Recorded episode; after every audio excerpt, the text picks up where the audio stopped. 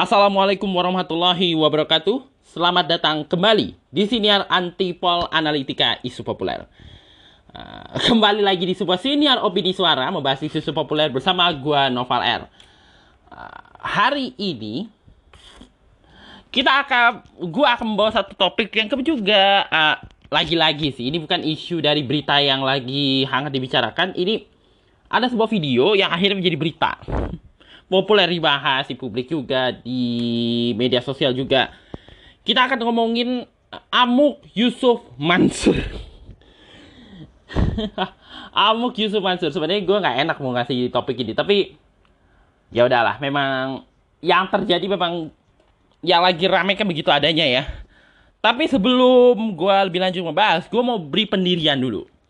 Gue nge gue nggak bermaksud ingin memihak Yus, Ustadz Yusuf Mansur ataupun mereka yang merasa katanya jadi korbannya investasi Yusuf Mansur, gue nggak bermaksud untuk memihak, tapi gue ingin memberi pendirian uh, perspektif lah terkait kejadian ini. Uh, jadi uh, beberapa netizen merasa Ustadz Yusuf Mansur tuh terlalu bisa dibilang terlalu depresional, terlalu emosional ketika menjelaskan mengenai duduk perkara uh, pay trend dan katanya butuh dana berapa triliun, tapi faktanya ternyata lebih dari itu. Dan ada kaitannya dengan kejadian yang sempat ramai. Juga soal Yusuf Mansur.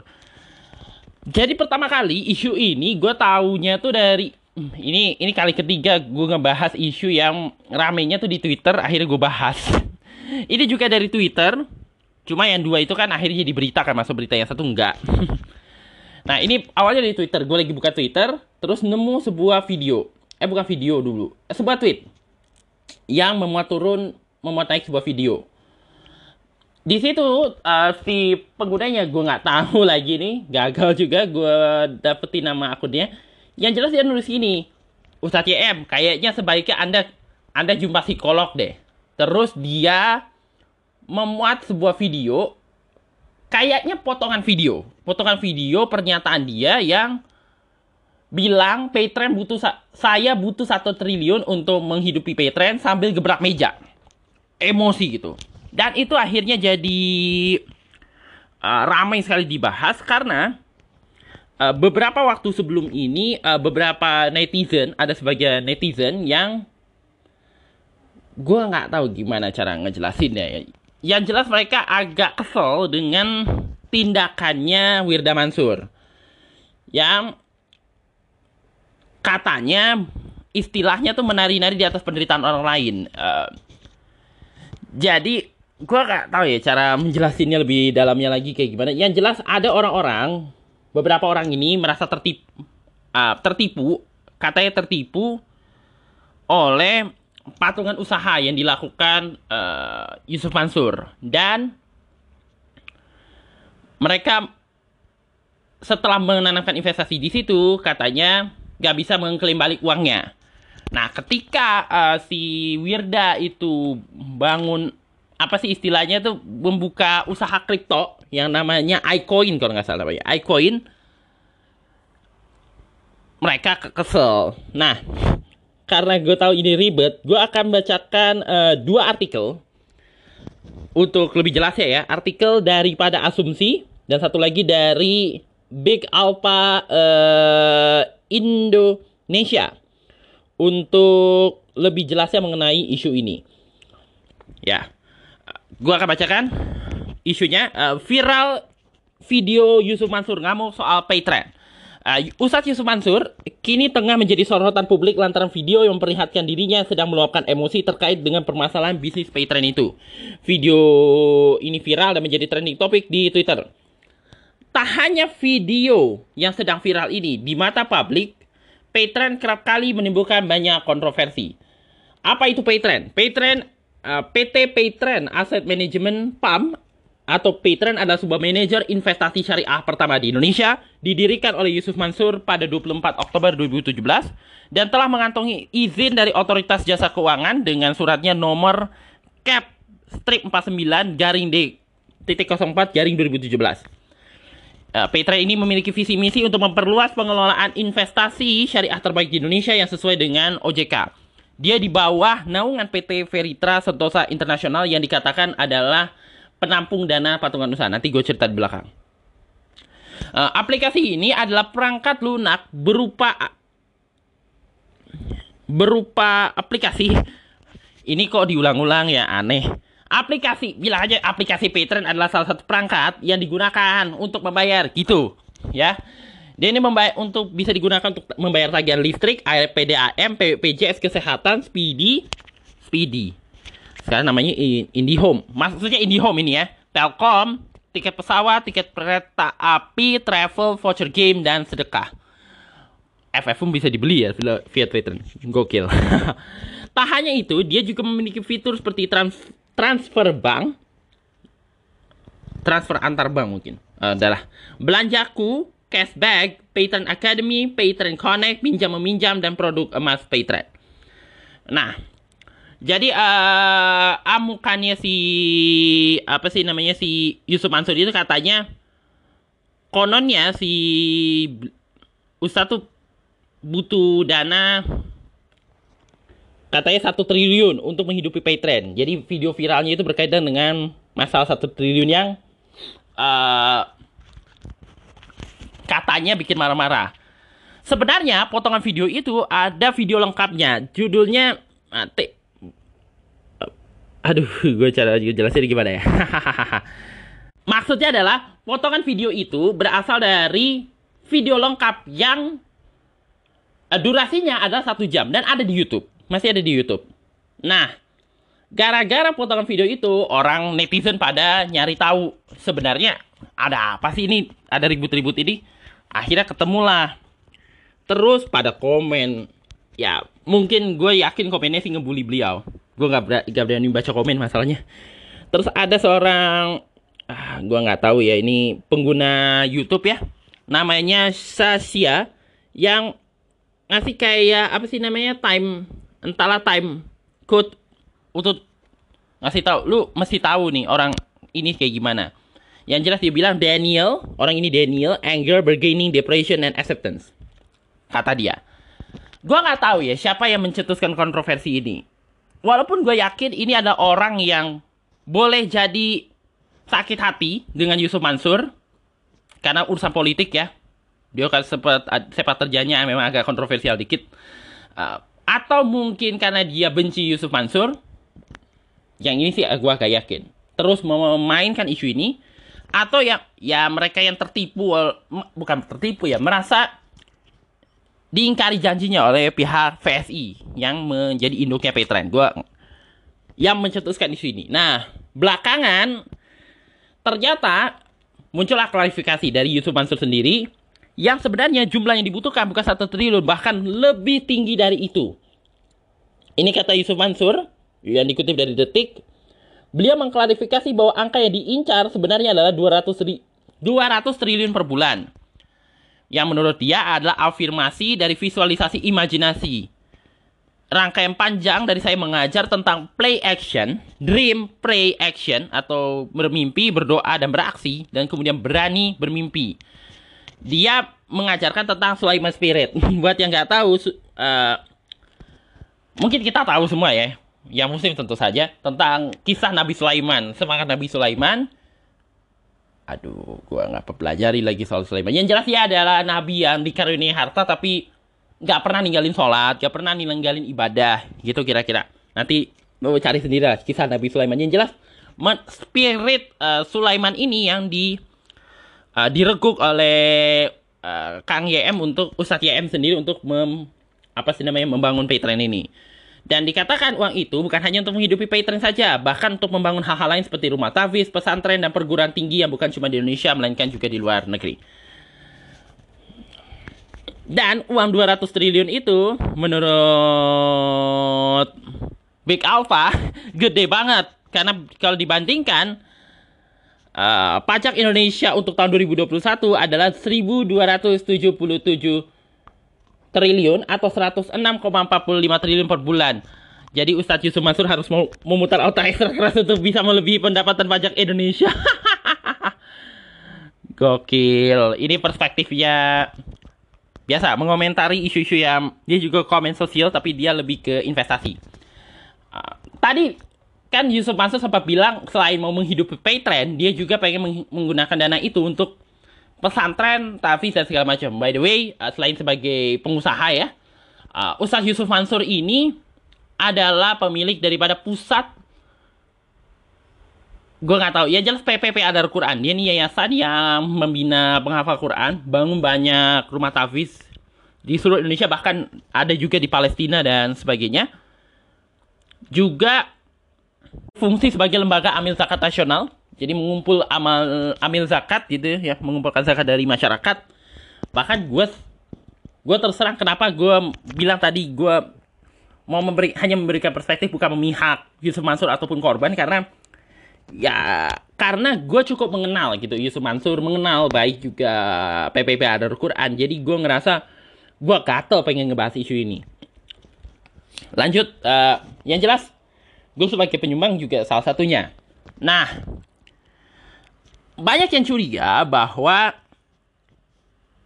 uh, keramaian ini dipicu oleh kecurigaan bahwa kemungkinan ada penyalahgunaan. Karena keramaian pertama kali soal Yusuf Mansur itu gara-gara uh, si Wirda anaknya Yusuf Mansur yang juga seorang youtuber meluncurkan kripto token kripto iCoin uh, yang membuat ramai Indonesia Coin ini si Wirda diluncurkan di Februari ini Februari kejadiannya uh, dengan presale dilakukan pada 14 Februari Uh, dia juga memiliki utilitas iCoin ini katanya untuk metaverse, pengembangan metaverse bisa digunakan untuk bermain game, pengembangan marketplace, NFT atau non fungible token.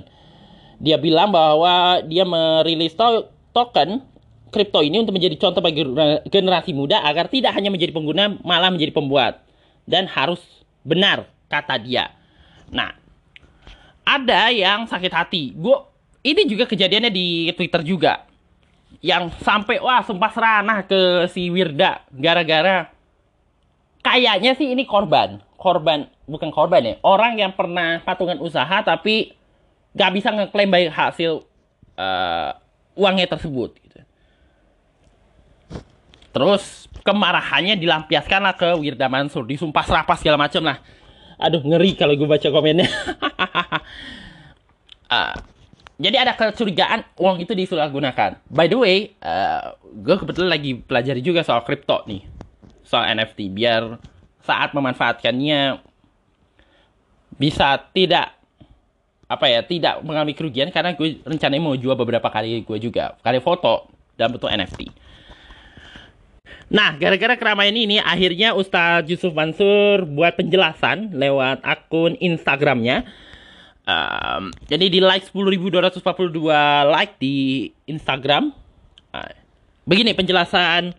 Ah, judulnya ada full sambutan Ustadz Yusuf Mansur pada acara Sewindu Paytrend. 8 tahun Paytrend. 8 tahun Paytrend 2021. Iya, berarti bersamaan dengan VSI berarti. Uh, ceramah ini ceramah full motivasi kata Ustadz Yusuf Mansur. Ini sumber pra, ini sumber ceramah yang dipotong. Dari 1 jam 20 menit jadi sekian detik aja. Ditambah bumbu-bumbu efek dan ditebelin oleh someone. Oleh seseorang. Dikasih tambahan efek double di detik-detik yang dipotong. Sehingga kesannya beda. Buat yang lagi down, putus asa, hilang harapan, masalah banyak. Pengen tenang, pengen percaya diri, pengen yakin, pengen tumbuh iman. Malah video utuhnya menurut saya izin. Allah keren harusnya. Mangga aja ke TKP. Sempetin, bukan hanya bukan agar pandangan ke saya berubah positif, tapi kepositifan diperlukan untuk kawan-kawan yang mengalami banyak kenegatifan. Dan percayalah semua proses pelaporan di kepolisian sedang berlangsung. Bahwa semua harus hati-hati ya. Proses gak boleh juga ada kezaliman dan yang bergerak ekosistem. Saya pun akan turun melaporkan bal melaporkan bal balik, gak segan-segan, gak takut-takut. Tapi tetap dibawa kalem, gak marah-marah dan gak gebrak meja. Dan kali ini saya dan ekosistem gak ada cerita damai-damaian waktu mediasi. Gak ada cerita mediasi apa pun. Gak ada cerita mencabut laporan tadi. Lagi, jalan terus dan pelaporan ekosistem Sabang sampai Merauke, Aceh sampai Papua. Semua ekosistem daku dari Quran dalam hal ini dan Patreon dan insan-insan kami di bergerak dan digerakkan semua pelan-pelan yang pasti dengan izin Allah.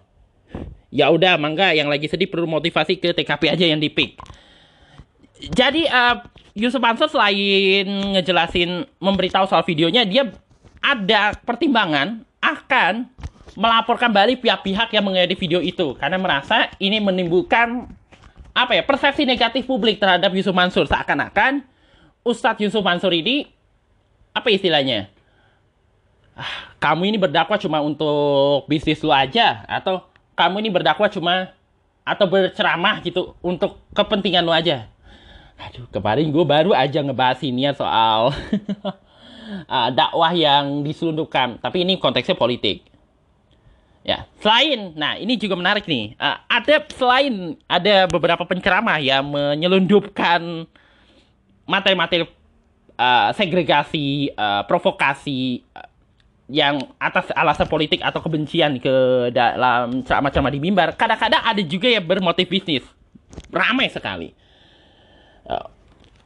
Dan gue mau bilang bahwa,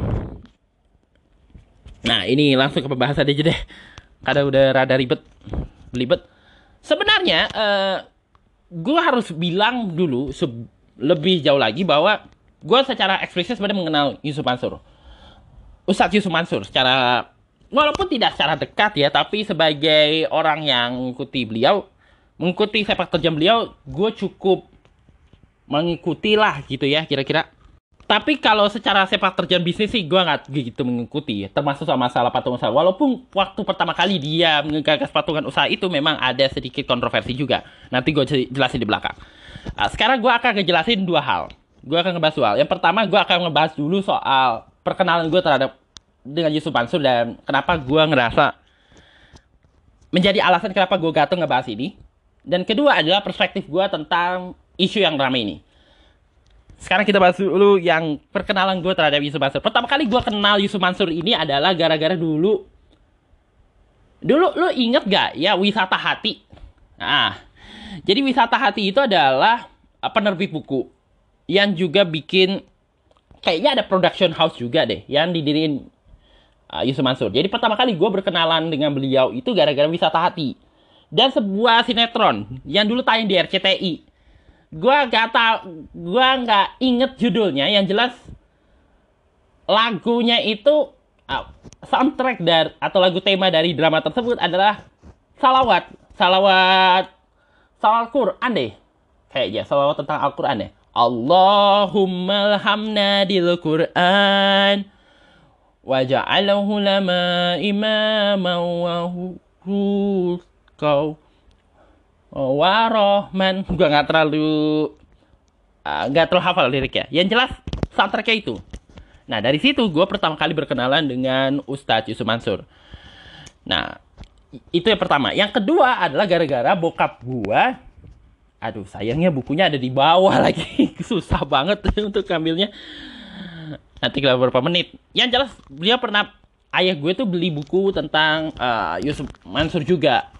Yang jelas Yusuf Mansur tuh dulu terkenal dengan slogan kun fayakun yang diambil dari tapi dari beberapa ayat Al-Quran juga yang termasuk juga surat Yasin yang sering kita baca. A, yang artinya apa yang terjadi terjadilah gitu kira-kira. Nah, dia sering kasih pencerahan tentang dream, pray, and action. Yang gue tahu ya. Yang jelas apa pun di masa lalu ya mintalah kepada Allah. Insya Allah dengan kita meminta kepada Allah berikhtiar karena Allah dengan keikhlasan, insya Allah Allah akan Allah akan membantu kita. Gitu, menurut dia gitu. Masa itu belum gue belum orang belum ngeh lagi soal PPP ada Quran, belum ngeh lagi soal Yusuf Mansur dalam, lain sebagainya. Masih ya usah-usah pada biasanya gitu. Nah, makin ke sini Ustadz Yusuf Mansur makin dikenal publik kan pada akhirnya uh, termasuk motivasi-motivasinya buku-buku motivasinya uh, dibeli oleh masyarakat. Bahkan beliau sempat curhat soal buku motivasinya itu bukan curhat ya. Maksud gak buku motivasinya saking terkenalnya itu sampai dibikin cetakannya. Dibikin versi cetak fotokopi lu tahu nggak Lu pernah nemu nggak sih satu ketika ya pada satu masa di masjid tuh ada uh, di lantai-lantai masjid itu ada semacam selebaran fotokopi bergambar bukunya Yusuf Mansur. Bukunya Ustadz YM ya. Yang gue bapak gue punya aslinya tapi ini dalam versi fotokopi dan kayaknya kayak diambil potongannya kayaknya sih untuk kepentingan bisnis dan itu sempat dipersoalin sama Yusuf Mansur gue nggak tahu apakah pernah diproses polisi atau enggak gue nggak tahu nah sampailah 2013 uh, gue baca artikel di detik. De detik yang jelas dia detik itu dulu punya satu majalah majalah mingguan sekarang udah nggak ada pada masanya. Waktu itu baru awal-awal orang mulai soal e-book atau e-magazine gitu ya. Uh, cetak media cetak dalam bentuk elektronik gitu. Nah waktu itu uh, orang pada ngepersoalin soal ngeributin soal patungan usahanya Yusuf Mansur patungan usahanya Yusuf Mansur ini uh, bermula dari sebuah tweet. Tweetnya Yusuf Mansur yang cemas dengan penguasaan ekonomi Indonesia yang kok muslimnya ini mayoritas, tapi penguasaan ekonominya kalah. Boleh dibilang kalah dengan orang-orang bukan Islam, bahkan mungkin bukan orang Indonesia sendiri gitu. Sesuatu yang sebenarnya juga sempat dibahas juga sama Hairul Tanjung di bukunya, si anak singkong. Yang waktu itu konteksnya beliau hadir di Munas MUI gitu ya Munas MUI dan curhat malah menggugat beberapa ulama yang katanya selalu bicara tentang kebaikan tapi nggak pernah ngajarin bagaimana kemandirian ekonomi yang akhirnya belakangan melahirkan konsep uh, ekonomi syariah kan secara gerakan ekonomi syariah di Indonesia salah satunya.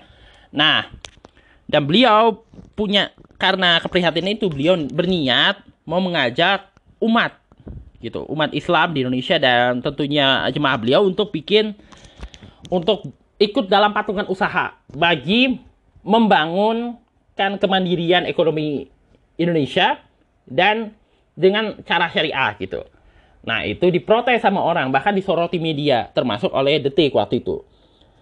Persoalannya muncul gara-gara hotel, gara-gara sebuah apartemen yang dibeli Yusuf Mansur, lokasinya masih ada hotelnya di eh hotel apartemennya bangunannya di daerah Pasar Baru Tangerang. Bangunan masih ada.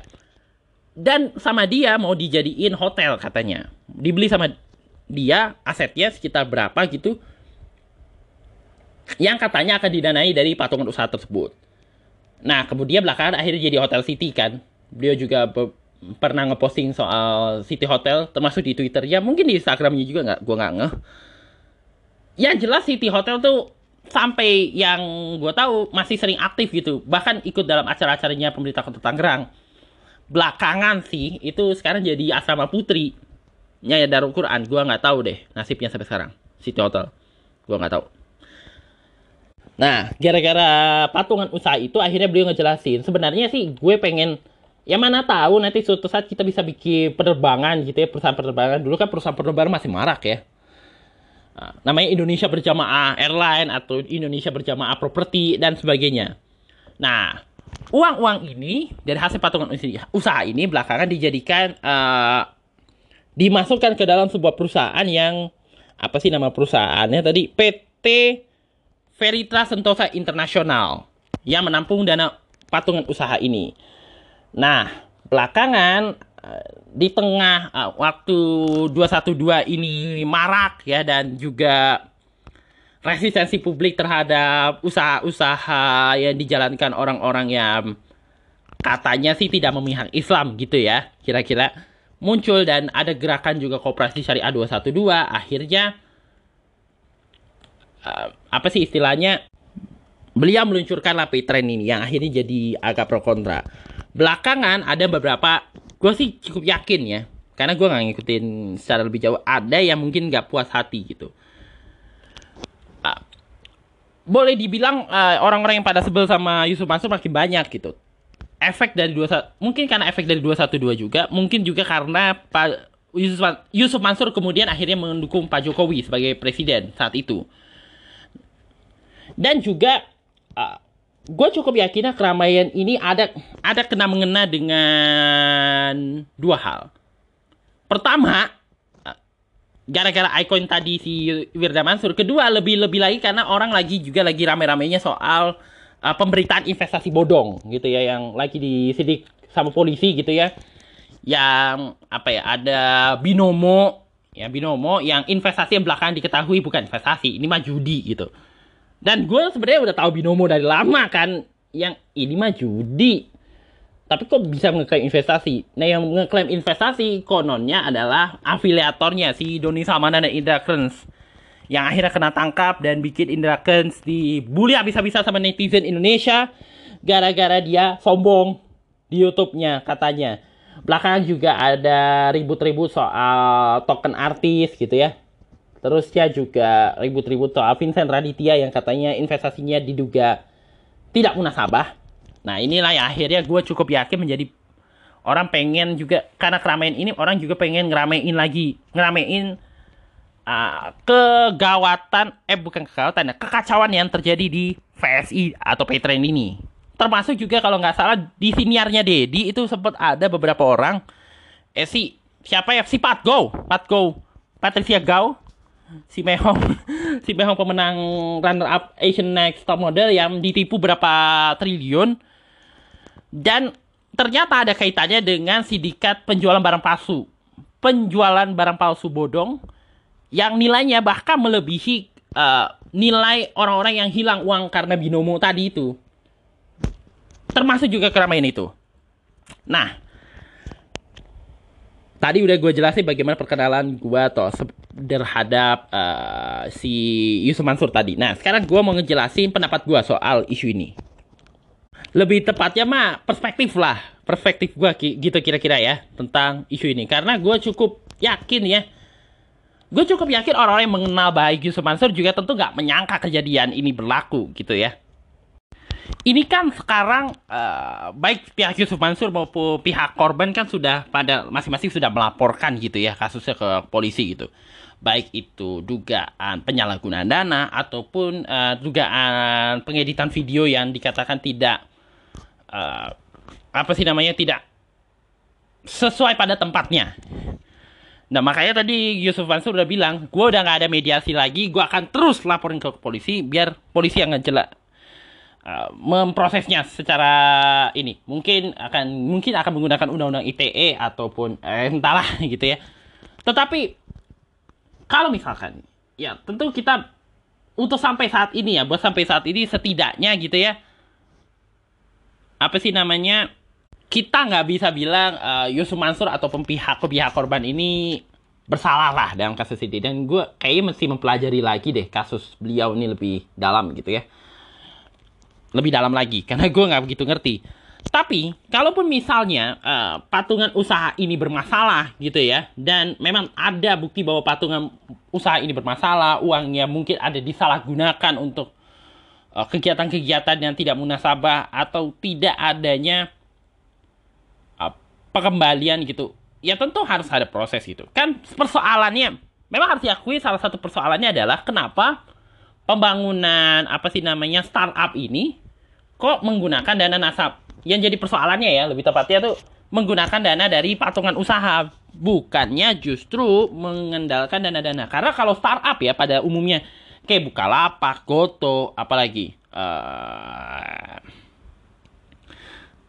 Tokopedia, eh Tokopedia kan termasuk Goto juga, uh, Traveloka gitu ya, uh, JNT Express apa pun itu ya yang startup startup yang udah unicorn itu pengandalan dananya bukan dari patungan usaha, justru uh, apa sih namanya ngumpulin dananya dari dari para pem, apa sih istilahnya tuh pendanaan seri berseri yang di mana perusahaan-perusahaan misalnya apa ya Temasek mau mendanai Comika gitu atau atau misalnya kayak Sequoia Capital mau mendanai Sayur Box gitu. Atau Astra International mau memberi dana tambahan kepada Gojek gitu. Goto. Dalam hal ini ya mereka bisa memanfaatkan pendanaan seri itu untuk menghidupi uh, si syarikat ini.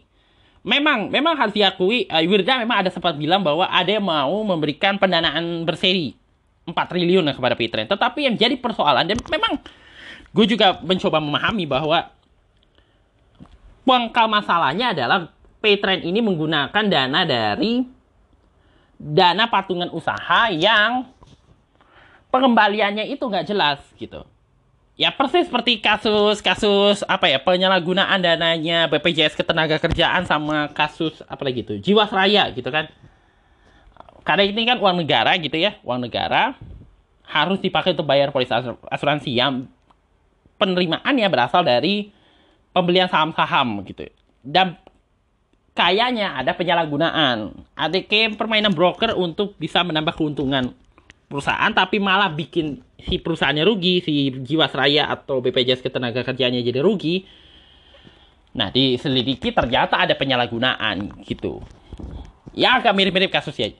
Nah, yang jadi persoalan kenapa Paytrend ini dia startup tapi kok dananya dari dana publik gitu, bukan dari dana apa ya, menjalankan kegiatannya tidak sesuai dengan seperti mana uh, startup ataupun uh, startup startup teknologi gitu atau aplikasi-aplikasi teknologi pada umumnya gitu yang mengandalkan pendanaan seri. Alih-alih mendana, mengandalkan pendanaan seri dari ini malah mengandalkan pendanaan dari masyarakat gitu. Itu kan persoalan dari publiknya. Nah di sisi lain kok penggunaan patungan usahanya untuk mendirikan PT bukannya pengumpulan dana patungan usaha itu harusnya dalam bentuk koperasi syariah gitu. Seperti yang dilakukan teman-teman 212 kan yang mereka mau niat bikin apa sih namanya minimarket gitu ya dua tuan to mart nah dibentuklah koperasi syariah 212 yang dibangun di banyak tempat lah untuk bisa membangun tuan to mart gitu. Ya kayak gitulah pengumpulannya. Jadi masyarakat kumpulin dana terus disalurkan ke koperasi syariah, nantinya koperasi syariah bisa menggunakan dana itu untuk kepentingan umat gitu. Nah, kalau memang tujuan utamanya dari patungan usaha itu adalah untuk membangun kemandirian ekonomi gitu, kenapa gak didirikan koperasi syariah aja? Karena membangun perusahaan itu gak mudah gitu. Kalau mengandalkan permodalan kayak gitu, tentu itu nggak mudah. Memang ada di satu sisi persoalannya soal masalah uh, PT ini memang agak aneh gitu untuk beberapa kalangan. Nah, yang akhirnya menimbulkan persepsi yang apa sih namanya Ustadz Yusuf Mansur ini nggak mampu menjalankan usaha ini dengan baik gitu kira-kira.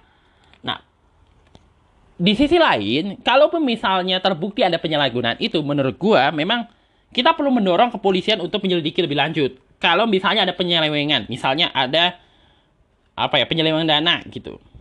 Patungan usaha yang harusnya untuk pendanaan ini jadi yang sebaliknya. Tentu perlu diproses. Tapi selama proses polisi ini masih berjalan, kita nggak boleh main sayur-sayuran, main cyberbullying, main hakim sendiri kepada siapa pun.